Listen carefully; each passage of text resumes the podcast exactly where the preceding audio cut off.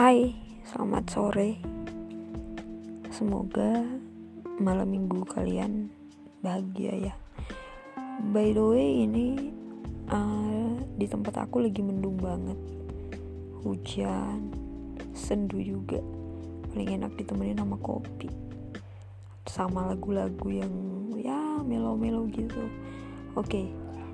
Uh, kita langsung aja. Jadi uh, beberapa hari ini gue dicurhatin banyak teman-teman gue.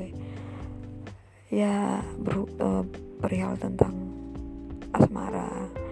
Tapi yang yang paling gue demen itu teman gue yang uh, dia menceritakan kisahnya karena beda agama. By the way menurut aku emang sih uh, kalau misalkan kita pacaran di umur-umur kita yang istilahnya cinta-cinta monyet mungkin kita nggak bakal peduli. Nggak bakal peduli dia agama apa kita agama apa. So kita kita jalanin kan. Karena kita mikir ya udah kita kita pacaran pacaran aja kita buat seneng kita sayang sayangan kita cinta cintaan tapi kita nggak pernah berpikir untuk ke depannya itu buat kita yang pacaran dalam masa cinta monyet. Tapi beda pada saat kita udah masuk usia dewasa dan pengen nemuin pasangan yang bener-bener buat kita untuk ke depannya. Sebenarnya banyak yang punya kisah tentang beda agama dan ada yang berhasil.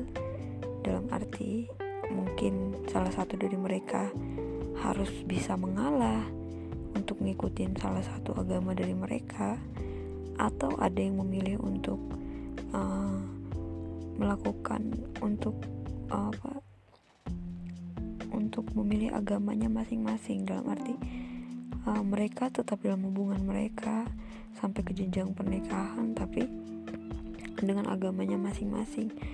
Tapi ada yang uh, karena memang orang tuanya benar-benar udah gak setuju jadi mereka harus mengalah dan berpisah. Hai guys yang pengen gue ngasih tahu kalau emang kalian itu saling cinta saling sayang pasti kalian tahu apa yang harus kalian lakuin.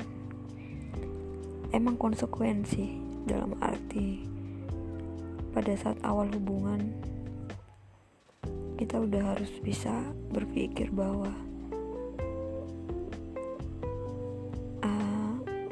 sulit. Karena segala sesuatu yang berhubungan dengan agama itu tidak gampang. Kita sudah mempunyai komitmen. Kita sudah bisa berhalusinasi atau berhayal bahwa hubungan kita bakal gimana-gimana itu pasti. Tapi kita harus berpikir gimana ke depannya? Kira-kira pihak mana yang harus mengalah atau kita berdua sama-sama mengalah seperti itu.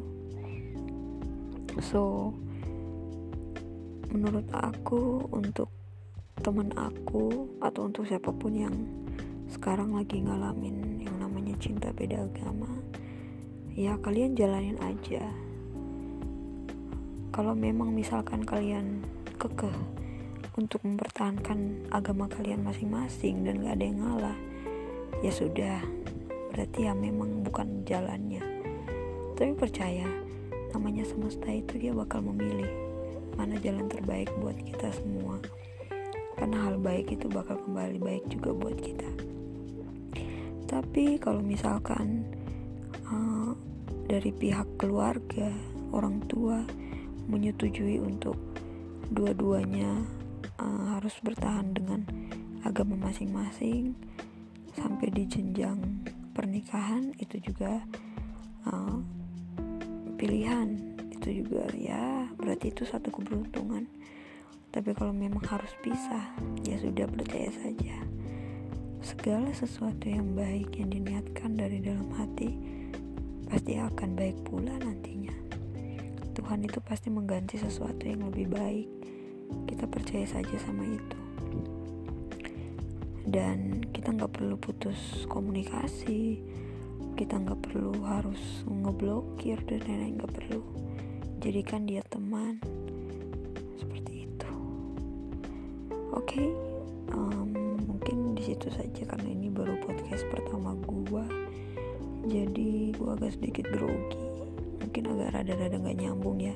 So thank you for yang udah mendengar mungkin agak absurd gue minta uh, minta masukannya. Thank you selamat sore. thank you